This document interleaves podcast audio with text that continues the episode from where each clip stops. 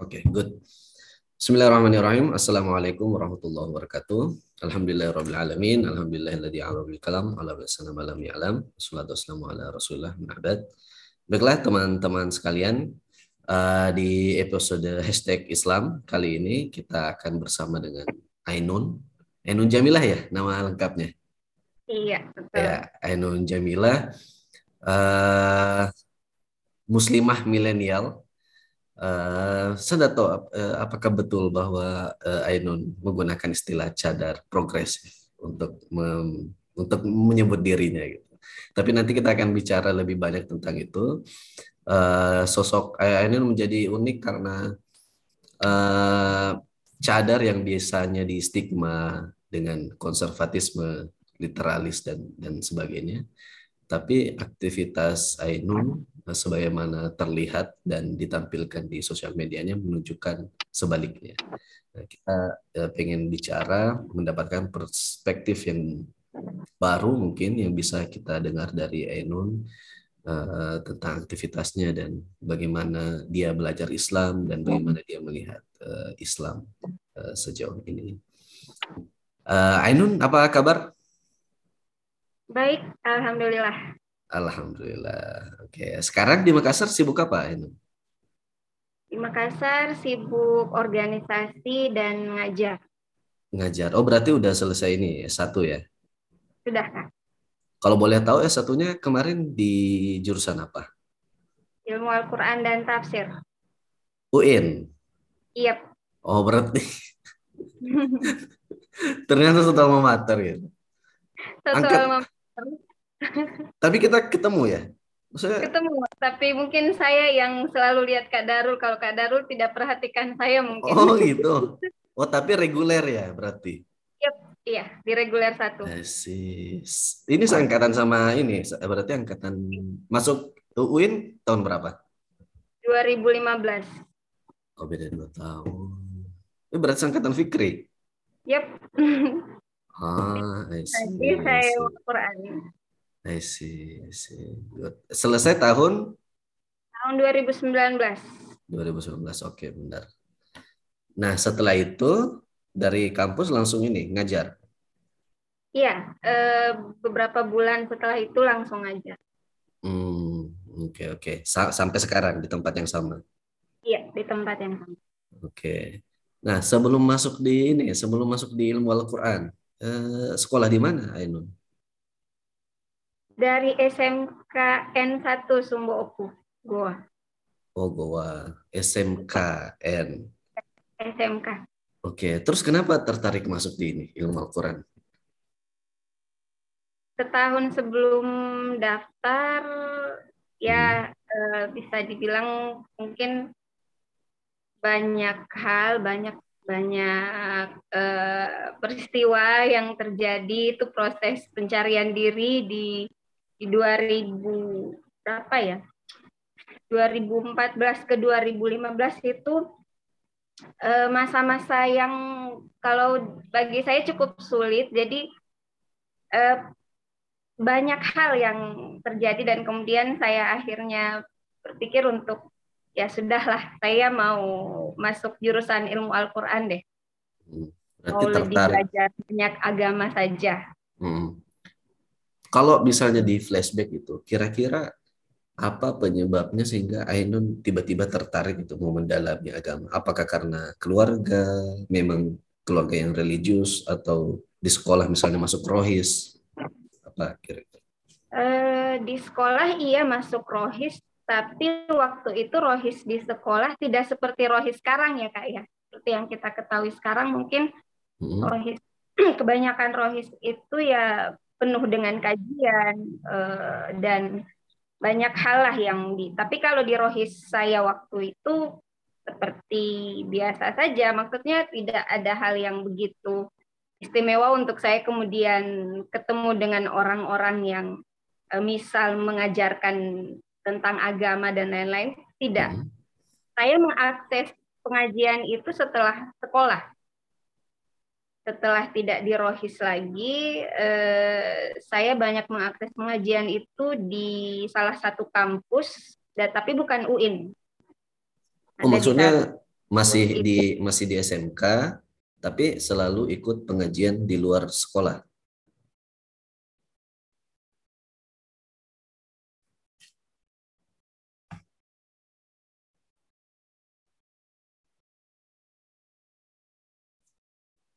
Halo, ini? Ya.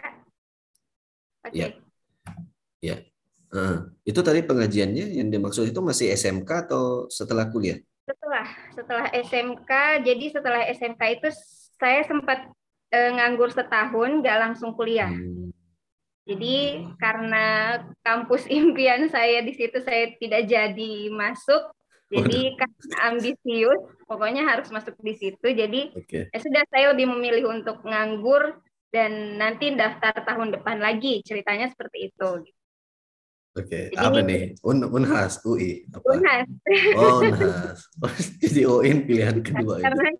waktu itu sudah mau ikut tes tapi ada urusan di Jakarta harus ke Jakarta di hari tes itu jadi ya udah gak jadi batal ikut tes gitu. Awalnya kalau boleh tahu ya, kalau nggak nggak mau jawab nggak apa-apa.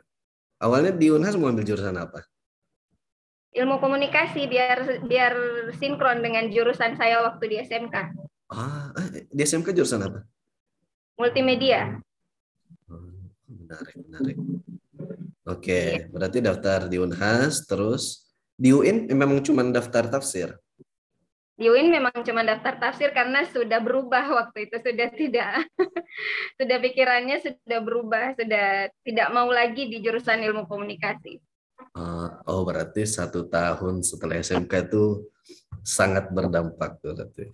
Iya betul sangat sangat berdampak. Hmm. Jadi mulai dari arah pikiran, tujuan hidup, apa yang akan saya lakukan itu semuanya berubah di tahun itu. Oke. Okay.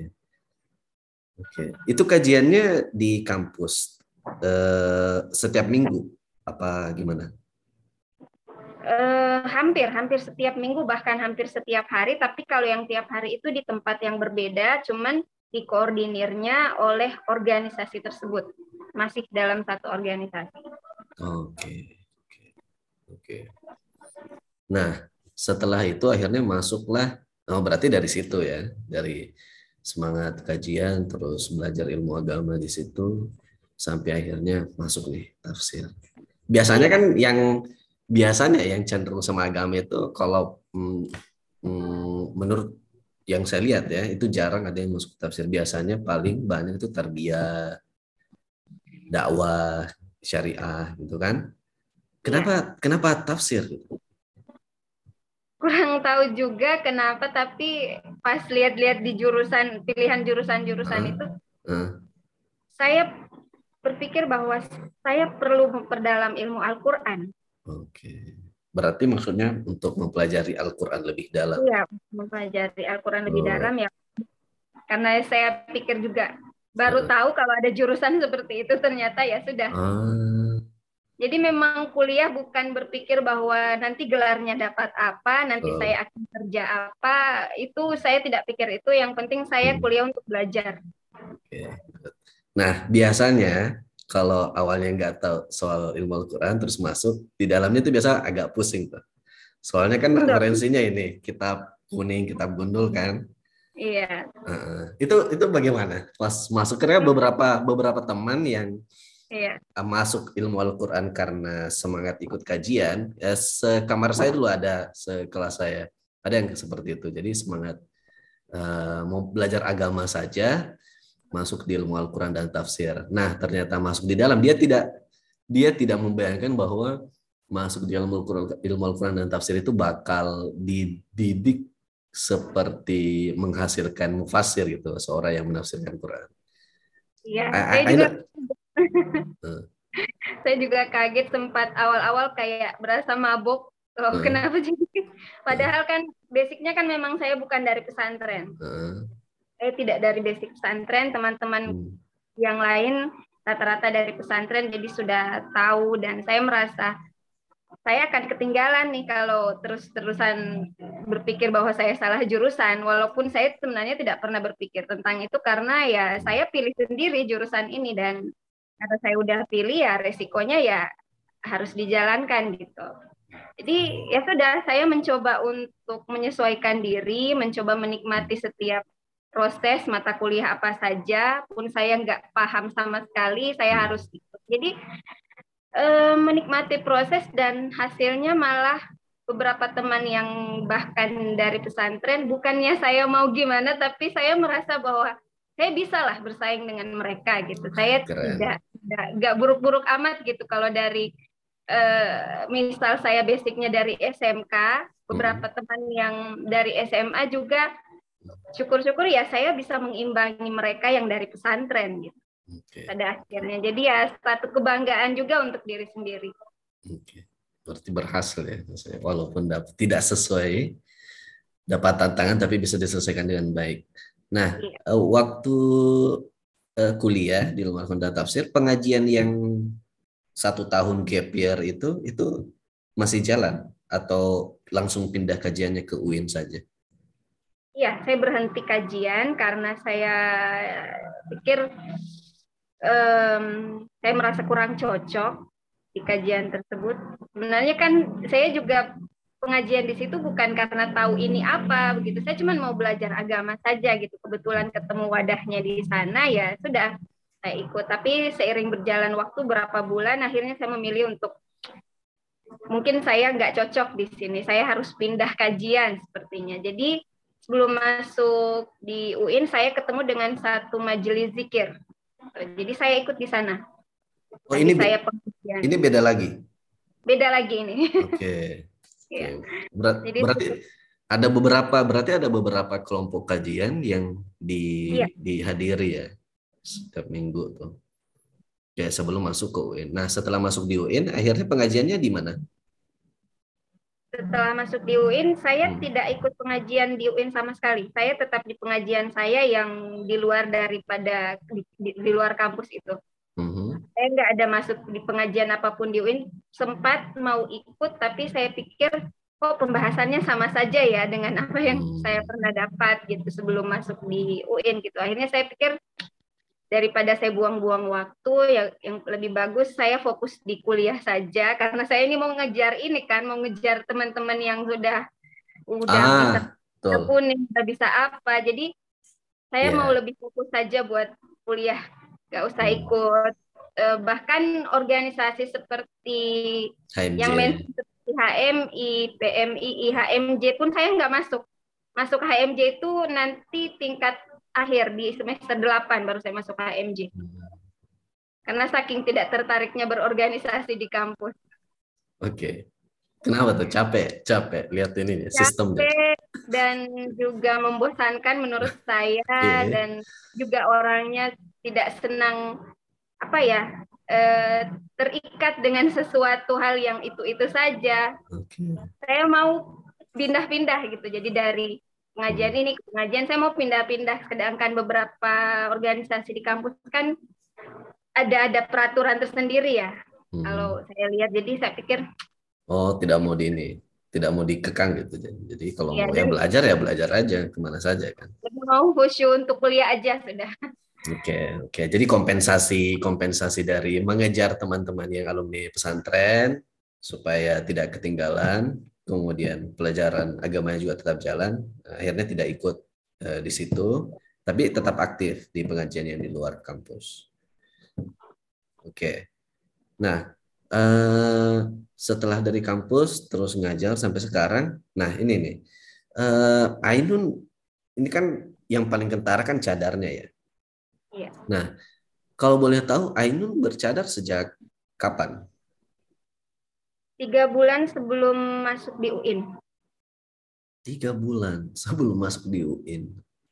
Iya. Wah, itu itu karena apa tuh? Kalau boleh tahu, saya berarti kan sebelum selama SMK dan uh, oh ya sebelumnya ini uh, sebelumnya sudah berhijab dari kecil atau bagaimana? Proses? Sudah, tapi eh, bisa dibilang mungkin saya tipe orang yang bandel juga sebenarnya yang bukan karena berjilbab itu karena ya sadar tapi ya karena memang ya disuruh sama orang tua okay. tapi orang tua juga tidak pernah memaksakan bahwa saya harus berjilbab terus mm-hmm. semuanya kembali ke saya sendiri jadi betul-betul murni saya memilih pakaian saya sekarang karena kesadaran saya bukan disuruh, bukan karena siapa-siapa dan bahkan saya bercadar setelah saya berhenti dari pengajian perempuan bercadar malah. Oh, oke. Okay. Oh, berarti ada satu kelompok kajian semua iya, pesertanya iya. bercadar. Bercadar, tapi saya enggak. Waktu itu belum mau karena saya pikir apa yang saya mau ikut-ikutan orang gitu. Mm -hmm.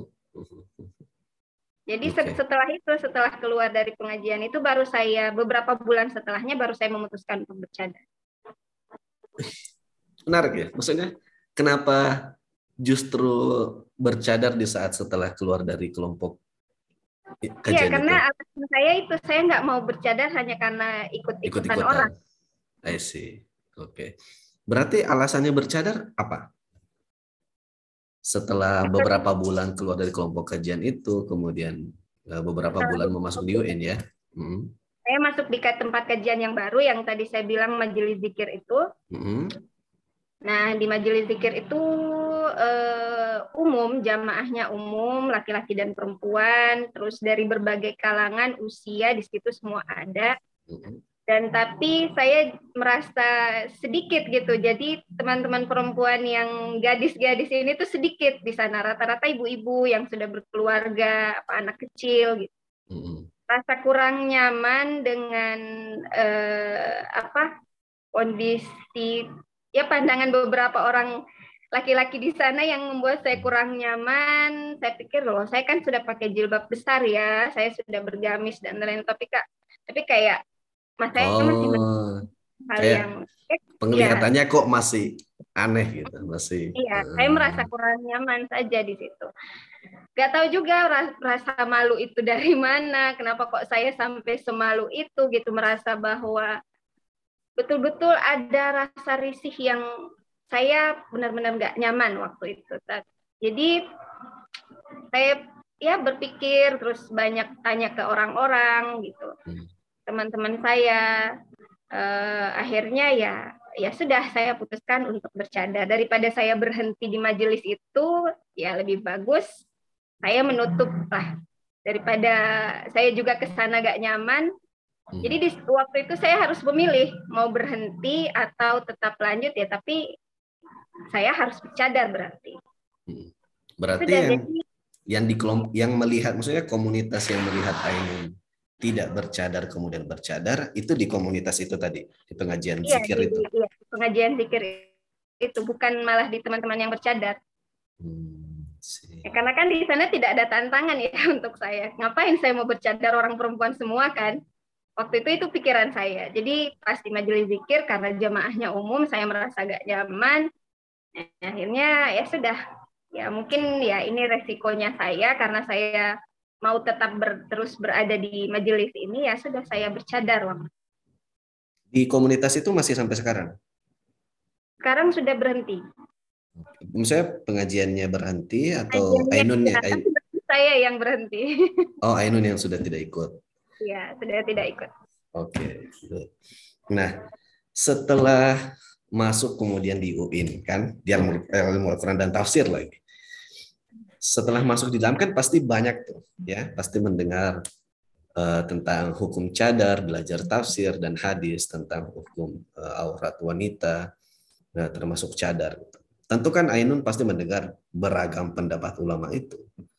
Ya. apakah itu kemudian uh, berpengaruh terhadap sikap Ainun untuk tetap bercadar dan seperti apa Iya, sangat berpengaruh. Makanya kenapa bukan mau gimana ya kalau biasa teman-teman yang karena saya diidentifikasi bercadar dan otomatis setelah apa selalu di dihubung-hubungkan dengan kelompok teman-teman bercadar di UIN, hmm. ada pengajian di kampus, pengajian di masjid dan lain-lain. Saya selalu bilang saya tidak bukan bagian dari mereka. Saya nggak pernah ikut pengajian mereka begitu. Saya cuma pengajian di mata kuliah saya saja karena saya merasa cukup gitu ketemu dengan dosen yang betul-betul memang pakarnya, kita bisa bertanya apa saja dan dijawab dengan uh, sangat baik. Jadi saya berpikir saya sudah pengajian ketika saya ikut uh, mata kuliah gitu. Jadi nggak nggak usah ditambah-tambah dengan uh, apa ikut-ikut di masjid kampus itu. Makanya uh, sangat berpengaruh karena di kelas saya orang yang cukup aktif Hmm. Walaupun saya bercadar sendirian di kelas, tapi saya jauh lebih aktif daripada teman-teman mahasiswa yang nggak bercadar. Nah, dan ini juga dipupuk dari salah satu dosen. Kak Darul mungkin tahu. Jadi Ustadz Abdul Ghani itu yeah. paling menandai saya waktu awal masuk. Okay. disuruh berdiskusi, disuruh bicara terus. Jadi akhirnya saya terlatih untuk nggak malu untuk bicara gitu, nggak malu untuk menyampaikan pendapat di ruangan gitu. Walaupun Jadi, bercadar ya. Walaupun bercadar. Jadi diancamkan kalau mahasiswa yang tidak aktif itu nilainya pasti jelek. Jadi saya nggak mau tuh Ancamannya pragmatis. jadi jadi mau nggak mau ya sudah saya harus aktif berarti. Oke oke menarik ya. Nah uh, ketika mempelajari itu tadi eh, hukum-hukum uh, itu hukum-hukum cadar, ya. Ainun pasti uh, mempelajari itu bahwa uh, untuk bercadar, uh, hukum bercadar sebetulnya kalau kita melihat secara umum ya itu kan pendapat yang bukan jumhur kan? Iya. yang jumhur uh, tidak tidak mengharamkan tidak mengharamkan uh, muka. Uh, kalau yang saya dapat alasannya siapa? Ainun tadi itu itu karena perasaan lebih nyaman saja jadi iya. berpakaian yang sopan terus merasa lebih nyaman lebih nyaman kalau bahasa di Al-Qur'an mungkin uh, termasuk salah satu di diperintahkannya berhijab adalah uh, untuk menjaga agar agar perempuan-perempuan muslimah itu terjaga kehormatannya. Mungkin seperti itu dalam kasusnya ini. Uh, mencoba berpakaian muslimah yang sesuai dengan syariat dan merasa nyaman dengan itu, merasa dihormati jika uh, menggunakan uh, cadar seperti itu. Tapi apakah setelah mempelajari berbagai macam pendapat itu, apakah itu justru menguatkan untuk tetap memakai cadar atau menjadi lebih fleksibel melihat orang yang tidak bercadar dan yang bercadar atau bagaimana? Saya menjadi orang yang lebih fleksibel melihat uh, keberagaman pakaian perempuan. Okay. Jadi uh, karena alasan awal saya bercadar memang untuk menjaga diri saya, bukan karena saya menganggap bahwa ini itu mutlak untuk semua perempuan tidak sama sekali. Saya hanya memutlakkan ini untuk diri saya sendiri hmm. karena saya merasa nyaman dengan pakaian ini, saya kemudian pakai. Jadi masuk di jurusan ilmu Al-Qur'an dan tafsir membuat saya lebih kaya dan lebih sebenarnya ya eh, sekaligus memperkuat apa yang saya yakini sebenarnya bahwa eh, perempuan diberi hak, diberi kebebasan untuk memilih model pakaian mereka selama itu tidak merugikan orang lain dan betul-betul substansi pakaian itu tercapai yaitu untuk menjaga kehormatan kita gitu. Jadi terserah mau modelnya kayak mana, mau seperti apa, selama kamu merasa bahwa kehormatanmu, dirimu, tubuhmu sudah terjaga, auratmu sudah tertutup dengan pakaian itu ya sudah berarti sudah menutup aurat berarti terlepas bahwa pak e, wajahnya kelihatan atau tidak rambutnya kelihatan atau tidak itu kalau bagi saya pribadi itu bukan persoalan. Uh, kalau Ainun sendiri yang Ainun pahami uh, pa, paling minimal itu paling minimal kalau ditanya karena kan pasti yang tanya kan apalagi kalau ditahu nih wah dia sering ikut kajian nih Ainun Eh, lulusan ilmu Al-Quran dan tafsir pula. Saya, saya yakin tidak satu dua kali teman-teman Ainun itu mungkin bertanya. Jadi menurut Ainun batas minimal hmm. aurat wanita itu apa Ainun? Ya, seperti itu. Karena kan Ainun pakai cadar, tapi kok tidak menyalahkan yang tidak pakai cadar itu. Iya. Nah, jadi menurut Ainun itu aurat perempuan itu seperti apa sebetulnya? Aurat itu kalau bagi saya bukan pada fisik ya, abstrak. Aurat okay. itu sangat subjektif, kembali ke individunya masing-masing bagaimana dia memahami ketubuhannya dia. Melihat pandangan Prof. Quraish Shihab, ya tentu kalau ilmu Al-Quran tidak asing ya dengan beliau, dengan pemikiran-pemikiran beliau, kecuali beberapa teman saya yang sama satu jurusan juga, tapi nggak suka ya, nggak senang dengan pemikiran beliau. Tapi kalau saya, saya banyak belajar, banyak merefleksikan apa, ya, apa yang menjadi pandangan beliau terkait dengan aurat terutama Hmm. Bahwa ya aurat itu adalah sesuatu hal yang ketika itu nampak kamu merasa malu. Oke. Okay. Jadi ini kan abstrak ya nggak ada ukuran sama sekali. Misal, kalau saya wajah saya tampak, saya rasa malu, ya berarti wajah saya aurat bagi saya.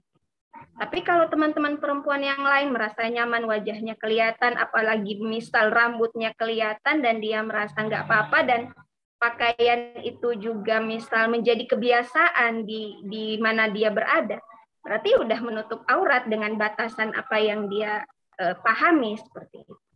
Jadi kalau bagi saya kalau ditanya batasan aurat minimal itu ya kembali ke individunya masing-masing, bagaimana dia memahami auratnya dia, kesadaran ketubuhannya dia. Jadi tidak berjib, berjilbab? Nah, kalau, Ainun? kalau tanya saya ya tidak wajib. Tidak. saya bercadar.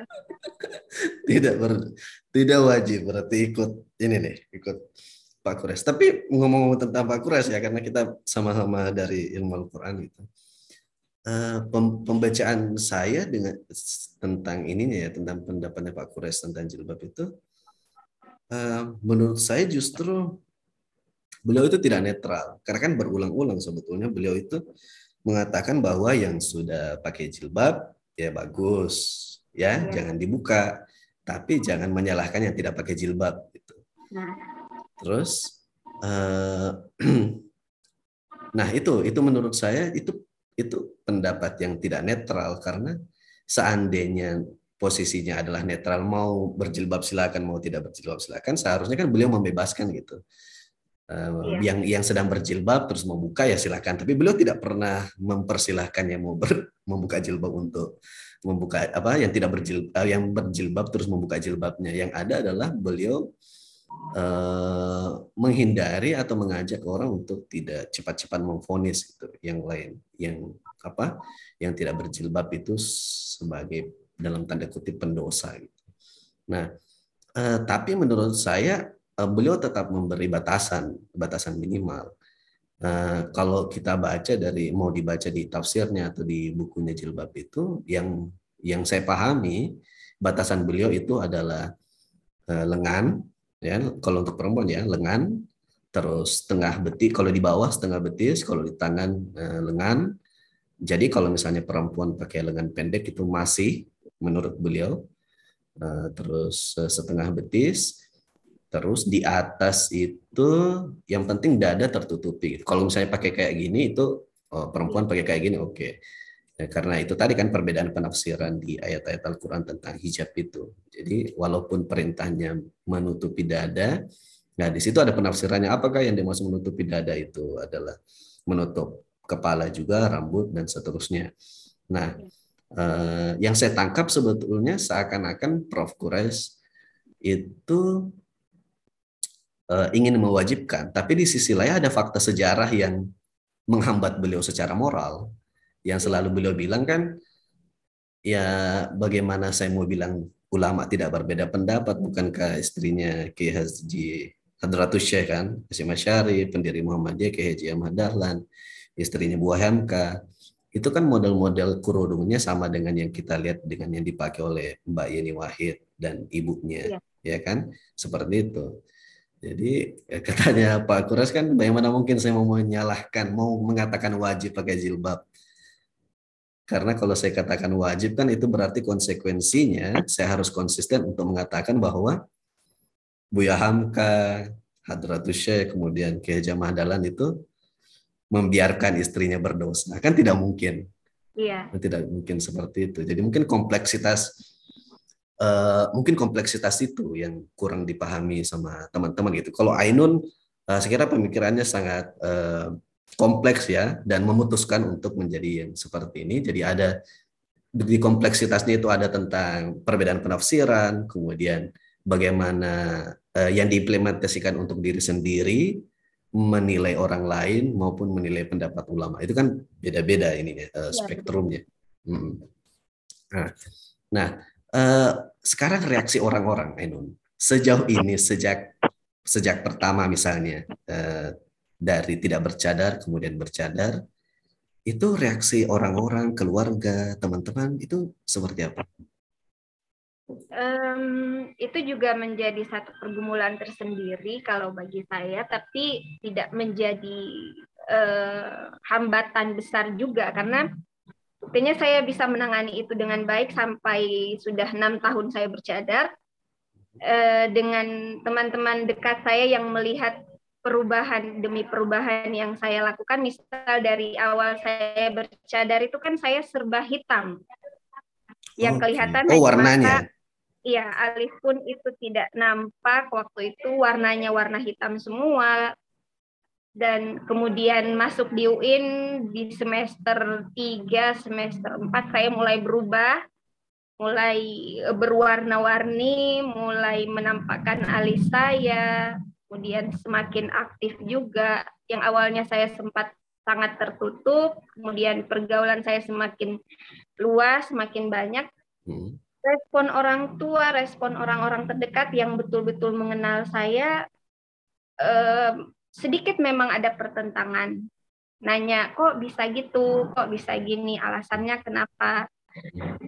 Tapi saya coba jelaskan bahwa ya, ini proses saya, proses eh, cara berpikir saya, cara saya belajar, dan kemudian saya mengaplikasikan itu ke dalam diri saya sendiri dan saya merasa nyaman dengan ini. Selama saya tidak merugikan orang lain, ya biarkan saja saya memilih seperti ini. Dan itu direspon dengan sangat baik oleh uh, keluarga dan teman-teman karena mereka melihat bahwa ya Ainun ya Ainun begitu. Terlepas bahwa dia bercadar atau tidak, berwarna atau tidak, kediriannya dia tetap dirinya sendiri gitu. Saya orangnya tetap rame, tetap sering ngobrol, uh, menerima orang siapa saja gitu. Jadi mungkin kepribadian itu yang teman-teman saya lihat dan akhirnya tidak membuat mereka risih gitu untuk eh, apa melihat perubahan-perubahan saya yang bisa dibilang lompatan saya itu sangat patah. Jadi cepat. Orang kan misal kalau dia berubah itu eh, ada ada apa ya? Prosesnya agak lama gitu. Misal dari yang saya awalnya pakaian e, berjilbab besar itu hanya beberapa bulan waktu itu. Berapa bulan saya oh, berjilbab Maksudnya besar. dari jadi dari awalnya saya uh, dari tidak berjilbab sama sekali. Dari pakai celana jeans. Itu sampai mulai berjilbab SMP. Mulai berjilbab uh, dari kecil sebenarnya kalau ke sekolah kan harus di ini kan. Okay. Saya SD, di SD. TK mulai TK SD itu masuk madrasah terus. Jadi mau nggak mau oh, pakai jilbab. Okay. Tapi di luar madrasah tidak. Di luar madrasah enggak, biasa okay. aja. Itu sampai kapan? SMP begitu lagi ke sekolah pakai jilbab di rumah dibuka. Okay. SMA gitu lagi di sekolah jilbab di rumah enggak. Jadi kalau keluar main, kalau misalnya keluar main sama teman setelah jam sekolah? Enggak berjilbab. Enggak. berjilbab. Itu sampai di SMA? Di SMA. Oke. Okay. Eh, SMA kelas 3 baru itu. SMA kelas 3 baru memutuskan untuk konsisten. Iya, tapi, tapi masih itu... pakai nah, jeans waktu itu belum pakai rok, belum pakai gamis. Oke, okay, pakai celana jeans terus jilbabnya yang jilbab pasang. Iya, yang okay. seperti biasa itu, yang okay. pendek. Jadi Oke, terus mulai berjilbab eh, besar mulai kapan? Berjilbab besar itu ya pas di 2014 itu. 2014 ke 2015 itu mulai nyoba-nyoba pakai jilbab besar, mulai nyoba-nyoba pakai rok, pakai gamis. Terus okay. masuk di pengajian itu eh, belum bercadar, cuman okay. sudah mulai belajar memakai warna hitam semua. Gitu. Jadi udah serba oh. hitam itu itu maksudnya doktrin doktrin bukan doktrin ada maksudnya apa? Oh ada doktrinnya. Ada, perempuan itu afdolnya memakai warna hitam katanya. Ah. Memakai warna gelap yang nggak mengundang perhatian orang gitu. Hmm. Jadi oke. Okay, Jadi itu okay. udah mulai dan cuma berjalan beberapa bulan hanya bahkan saya berhitam-hitam itu hanya sekitar dua minggu dan akhirnya saya bercadar. Jadi ada beberapa teman yang kaget-kaget gitu. Wah, Ainun beda lagi nih, beda lagi, beda lagi. Dan uh, dari saya misal berhitam-hitam, kemudian memilih untuk berwarna-warni lagi, itu hanya sekitar beberapa bulan juga. Jadi saya itu saya menyadari perubahan Saya, saya, saya tertarik dengan pertimbangan-pertimbangan yang digunakan itu. Misalnya dalam perubahan-perubahan itu apakah pertimbangannya ada dalil agama yang diketahui oh ternyata ada hadisnya ini misalnya. Oh ternyata iya. ada pendapat yang seperti ini. Oh ternyata boleh. Ternyata boleh tidak hitam saja misalnya. iya. Iya saya saya punya pemahaman uh, keagamaan karena saya pikir pemahaman keagamaan kita berubah terus ya. Misal kalau kita belajar mm -mm kita ketika kita tahu A di tempat ini, pindah tempat lagi akan tahu B, pindah tempat lagi akan tahu C. Jadi saya terus berproses di situ. Saya tidak berhenti pada satu tempat dan e, kaku dengan pemahaman itu. Tapi saya mau terus belajar, mau terus berubah dan saya nggak masalah dengan perubahan. Mungkin orang-orang di luar diri saya yang merasa kok kamu jadi tidak konsisten, kamu jadi aneh sendiri. Tapi ya saya pikir ya inilah saya begitu. Saya memang seperti ini. Hmm. Ketika saya belajar, saya tahu sesuatu, saya punya landasan tersendiri bahwa oh ternyata perempuan boleh ya berwarna-warni ya selama kita masih sopan dan niat kita bukan untuk mau mengundang perhatian orang ya terserah. Orang lain gitu mau menganggap seperti apa selama saya memilih ini karena kesadaran saya saya jalankan. Jadi sampai hari ini saya nggak pernah pusing dengan orang mau bilang A B C D. Saya tidak pernah selama saya merasa saya punya landasan sendiri dan saya lakukan saja. Ada ada satu hal eh, ini kan eh, sekarang enggak enggak sekarang juga tapi maksudnya dalam beberapa tahun terakhir kan lagi booming tuh tren hijrah ya. Jadi hmm. beberapa teman-teman mungkin yang tidak berhijab kemudian berhijab misalnya itu tanda-tanda penampilan luar misalnya. Mereka menyebut diri mereka sedang berhijrah. Ainun sendiri apakah merasa bahwa oh saya hijrah nih? Jadi pakai iya, dari saya tidak hijrahnya setiap hari bukan lagi karena pakaian tapi lebih ke pemikiran saya. Si. saya baca buku ini oh saya berubah lagi nih. Oh saya punya dapat dapat pandangan baru lagi nih. oh saya makanya kenapa kemudian saya berpikir bahwa aurat itu abstrak? Saya tidak mau membatasi itu bahwa hanya ini dan ini walaupun jumhur ulama mengatakan itu. Bukannya saya mau menentang apa-apa tapi saya melihat realitas sosial saya bahwa saya tidak bisa. Saya bukan pada posisi mau mengkotak-kotakan orang, mau membatas-batasi orang gitu. Jadi karena saya melihat realitas itu yang realitas yang sangat beragam, pilihan berpakaian orang sangat beragam dan kita tidak bisa mengekang mereka hanya karena kita nyaman dengan ini dan dia harus nyaman dengan apa yang kita yakini begitu. Jadi saya mau me, apa ya istilahnya mau memeluk semua pandangan perempuan gitu bahwa kamu nggak apa seperti itu. Dan kamu bisa berproses. Misal dari kamu berjilbab kemudian hari ini kamu memilih enggak ya pasti kamu punya punya pandangan tersendiri. Kamu nggak akan melakukan itu tanpa kesadaran diri kamu sendiri. Jadi saya membiarkan orang membiarkan orang membiarkan teman-teman saya untuk memiliki prosesnya tersendiri gitu sampai dia sendiri yang sadar yang kemudian ketemu bahwa oh ini sih model saya seperti yang saya alami kan bahwa saya terus mencari dari model kerudung begini, model kerudung begitu, warna ini dan warna itu dan akhirnya saya berhenti pada eh, untuk saat ini saya memilih saya bercadar deh. Pun nanti beberapa tahun kemudian saya tidak tahu akan seperti apa, tapi untuk saat ini keputusan saya ya seperti inilah penampilan saya. Eh, jadi di medsosnya semua dihapus tuh foto yang tidak bercadar? Dihapus. Dihapus semua. Jadi saya tidak berubah gitu dihapus. Misalnya awalnya nggak berjilbab terus pakai jilbab. Jadi foto nggak berjilbabnya dihapus semua. Iya, dari, dihapus. dari jilbab terus bercadar, semua foto yang tidak bercadar dihapus. Iya. Oke. Tapi, saya tuh kadang dari, eh, kenapa kan? Tapi, tapi ini saya tuh kadang-kadang penasaran gitu. Kadang kayak berfoto gitu. Terus ya ini biasanya pada laki-laki sih pasti ya, agak agak subjektif. Kadang-kadang mikir teman-teman yang bercadar gitu kan itu kan ikut foto juga. Kayak ya. Ainon kan itu kan banyak fotonya di sosial media dan sebagainya.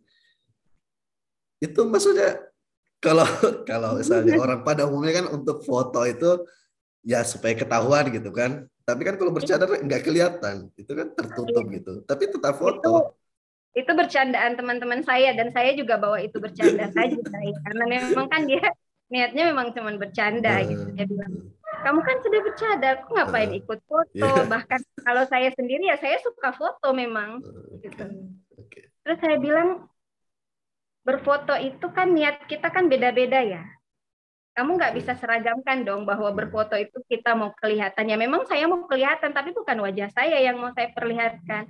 Saya mau perlihatkan momentum saya di mana sekarang saya sedang apa saya sedang sama siapa itu. Dan saya tipe orang yang sangat menghargai momen jadi saya senang untuk berfoto. Suka jawabannya. Bagus jawabannya. Oke. Okay. uh, eh, sekarang ini yang yang pertama tadi itu ya. Sekarang Ainun selain ngajar ya, yang wajibnya itu uh, aktif di organisasi lintas iman. Ya. Iya. Terus aktif uh, bikin juga titik temu. Ini itu bedanya apa tuh? Yang yang lintas iman sama yang titik temu itu sekolah apa multikulturalisme? Iya. Uh, kalau di jaringan lintas iman harmoni Sulawesi Selatan itu hmm.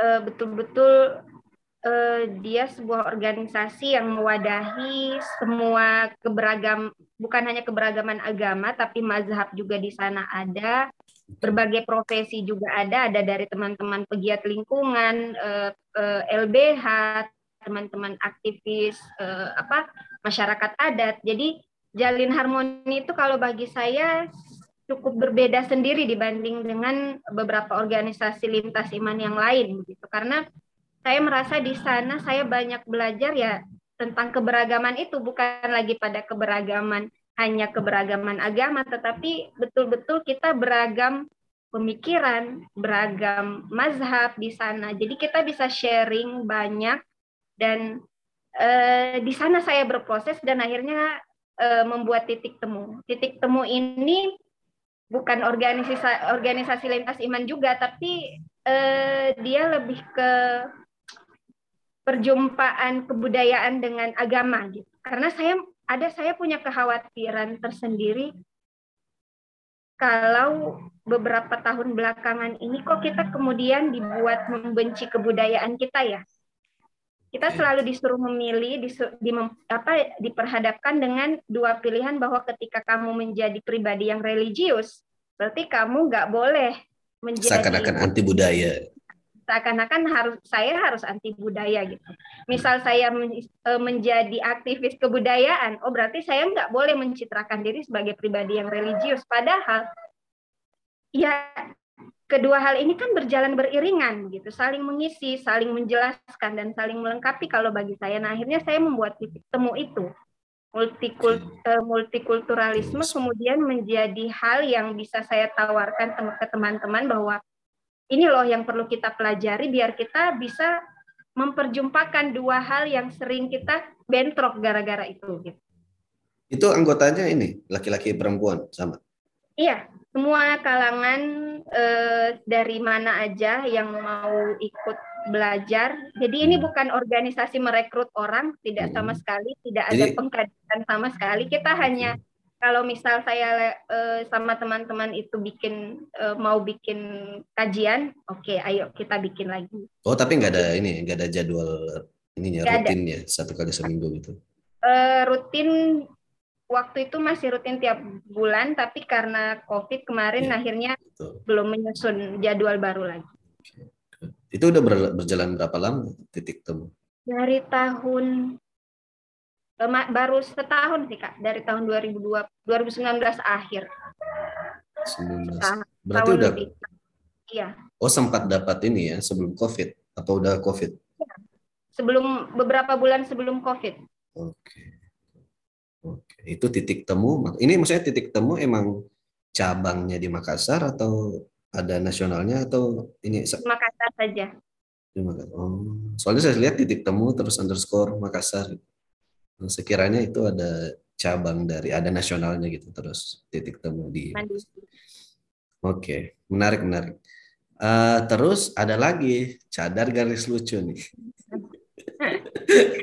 yang ada kan sejauh ini NU, NU garis lucu ada, Muhammadiyah garis lucu ada, Katolik garis lucu ada. Ini ada lagi nih, saya dapat nih cadar garis lucu. Ini maksudnya apa? Ini tolong jelaskan. Ya, jadi uh, cadar garis lucu ini uh, sebenarnya ini bukan hal yang saya cita-citakan sebenarnya, bukan menjadi harapan dan goals hidup sebenarnya. Sama sekali tidak karena saya mau melawan stigma bahwa orang-orang bercadar itu hanya mau berkumpul dengan teman-teman yang bercadar saja. Saya tidak mau seperti itu. Makanya saya saya lebih memilih uh, di jaringan lintas iman yang bahkan orang tidak berjilbab pun itu jadi sahabat saya gitu. Yang beda agama pun saya sahabat dengan mereka gitu. Karena ya saya mau melawan uh, stereotip seperti itu bahwa perempuan bercadar itu eksklusif apa dan segala macam gitu. Berpikiran saya mau mendongkrak itu gitu saya nggak mau di, dianggap seperti itu. Ya pun teman-teman yang lain merasa bahwa saya sudah uh, tidak seperti orang bercadar pada umumnya ya, nah itu Sama bukan urusan saya ya. Hmm. Saya nggak peduli. Karena ini saya maksudnya, merasa. Oke, okay. ini ya? maksudnya komunitas orang-orang bercadar atau itu hanya kayak media media menyampaikan gagasan ya. tentang inklusivitas cadar uh, cadar garis lucu hanya sebagai media untuk okay. menyampaikan bahwa perempuan bercadar ada yang inklusif, tidak selamanya dia eksklusif. Jadi anggotanya itu bukan semua orang bercadar, enggak. Bahkan ada ada berapa ya dua orang teman itu tiga, dua, tiga orang, tiga orang teman itu yang nggak bercadar, bahkan yang satu itu Kristen, jadi nggak jilbab. Aduh, keren keren keren. Jadi memang murni pure itu ya media untuk kami bersuara saja gitu karena hmm. saya melihat bahwa teman-teman bercadar yang pikirannya seperti saya ini tuh nggak punya wadah kami. Kami itu dimusuhi di teman-teman bercadar, Betul. juga nggak bisa diterima di teman-teman yang nggak bercadar gitu, karena kami bercadar gitu. Jadi ya sudah saya bikin jalan tengahnya, bikin tempat sendiri, wadah sendiri untuk teman-teman yang punya pikiran. Jadi bukan saya mau mendoktrin ya, ya untuk teman-teman yang bercadar itu punya pikiran seperti saya, ayo kita. Ini enggak sama sekali, tapi saya hanya memberikan wadah gitu. Jadi bukan saya mau mencuci otak teman-teman bercadar yang lain untuk bisa berpikiran seperti saya, tapi yang sudah ada, yang sudah punya pikiran seperti itu, kadang kan mereka kan dijauhi ya dari teman-temannya. Karena dia punya pikiran yang unik sendiri, yang beda sendiri gitu. Makanya ya sudah saya rangkul mereka, bikinkan mereka wadah sendiri dan akhirnya jadilah cadar garis lucu ini. Berarti yang nggak bercadar dan masuk ya. di eh, apa cadar garis lucu itu mereka yang mensupport kan, mensupport teman-teman yang bercadar dan pemikirannya ini terbuka gitu. Jadi bukan masalah cadarnya tapi uh, kebebasan ya. yang mereka dapatkan ya walaupun bercadar. Oke. Okay. Uh, terakhir ini, uh, apakah ada pengalaman-pengalaman pahit mendapat apakah secara verbal atau tidak uh, mendapat stigma uh, ataukah misalnya yang paling parah misalnya uh, tidak diizinkan masuk ke dalam forum tertentu karena pakai cadar. Apakah ada pengalaman-pengalaman seperti itu? Uh, per, uh, kuliah pertama itu saya dilarang masuk karena saya bercadar. Oh ya? ikut kuliah karena saya bercanda. Nah, terus jadi nggak masuk? Uh, saya coba nego sama pak dosennya. Saya bilang nanti pekan depan saya buka cadar deh pak. Yang penting kali ini saya masuk dulu. Oke, akhirnya dibolehkan. Ya akhirnya dibolehkan. Terus sebelum pertemuan kedua, saya coba nego lagi supaya supaya nggak apa-apa saya bercadar. Akhirnya keterusan sampai selesai juga. Iya. Jadi karena apa dosennya pikir oh ternyata dia nggak nggak seperti yang saya pikirkan gitu kan. Akhirnya ya sudah saya diizinkan tetap bercadar di kelas beliau. Terus kayak stigma bahwa yang cadar itu radikal Iya, gimana? jadi gimana gimana tuh? Maksudnya biasanya kayak play yang umum gitu yang dapat dari media misalnya, wah ternyata teroris nih, radikal ya, cadar. Itu biasanya iya. kalau berdialog langsung dengan orang seperti berhadapan langsung dengan orang seperti itu, Ainun bilang apa? Saya cuma bilang bahwa uh, menggeneralisir seseorang itu bukan solusi yang baik itu dan nggak bisa diteruskan karena ya lihatlah bahwa orang yang tidak bercadar pun kan banyak yang radikal gitu.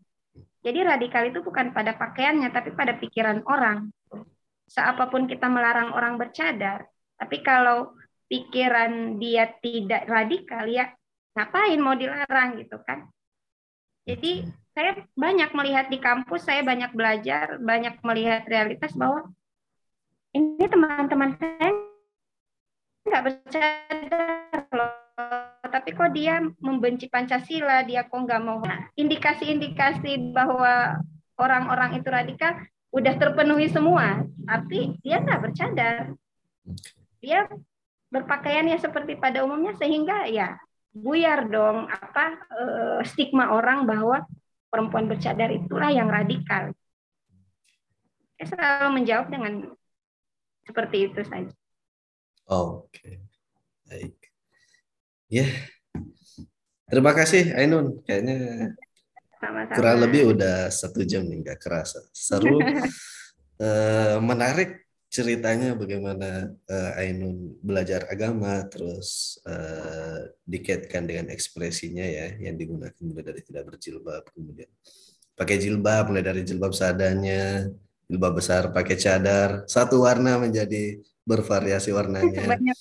Kemudian pindah lagi ke uh, apa bagaimana menyikapi orang lain. Bahkan sekarang sudah sampai membuat sendiri kan membuat media advokasi mungkin.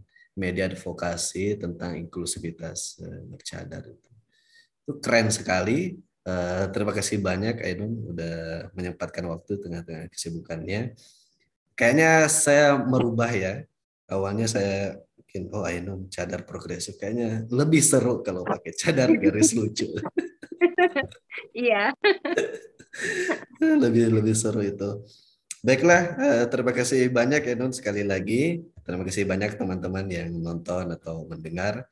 Eh, semoga eh, percakapan kita dengan Ainun hari ini ini menggambarkan proses hijrah yang sebenarnya menurut saya. Jadi hijrahnya itu tidak stuck menjadi eksklusif, tapi hijrahnya itu dari betul-betul berproses, mempelajari agama sampai kepada sikap-sikap yang diambil, sikap-sikap terhadap diri sendiri maupun eh, menyikapi pilihan-pilihan hidup orang lain. Baik, uh, terima kasih banyak teman-teman semua. Uh, semoga sukses Ainun dengan titik temu dan cadar garis lucunya. Tetap semangat dan insya Allah kapan-kapan kalau di Makassar mungkin kita bersilaturahmi secara langsung. Iya, terima kasih teman-teman semua. Saya tutup video ini.